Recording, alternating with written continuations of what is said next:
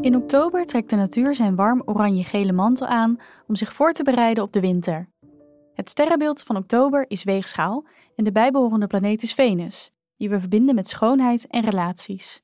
Venus staat het grootste deel van oktober in maagd. Wat betekent de oktoberpositie van Venus voor jou? Met Venus in je eigen teken beleef je een prachtige oktobermaand, waarin je de tijd zou moeten nemen om zowel de liefde voor je partner als de liefde voor jezelf te vieren. Dat mag heel concreet en lijfelijk zijn. Denk aan massages of samen een verwenweekend houden in een fijn wellnesshotel. Ook een bezoek aan de schoonheidssalon hoort bij Venus.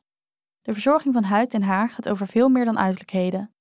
Het gaat over blij zijn met jezelf, in de spiegel kijken en genieten van wat je ziet. Het mooiste en beste in jezelf tevoorschijn toveren. Venus dient daarbij als je grote voorbeeld en inspiratie. Zij is het universele symbool van vrouwelijke schoonheid. Wil je toch iets dieper gaan? Dan is het misschien tijd om eens anders te kijken naar de manier waarop je eet. Als je ook zo'n maag bent die vooral denkt in voedingsstoffen, calorieën en functies van voedsel, dan is dit een goed moment om meer aandacht te schenken aan de culinaire kwaliteiten van voeding. Wat je met liefde bereidt, heeft voedingswaarde van een andere orde. Die orde heeft niets te maken met vitamines, maar alles met aandacht, smaak en zintuigen. Probeer daar meer oog voor te hebben. Bedankt voor het luisteren. Wil je jouw maandhoroscoop nooit meer missen? Vergeet je dan niet te abonneren op ons kanaal.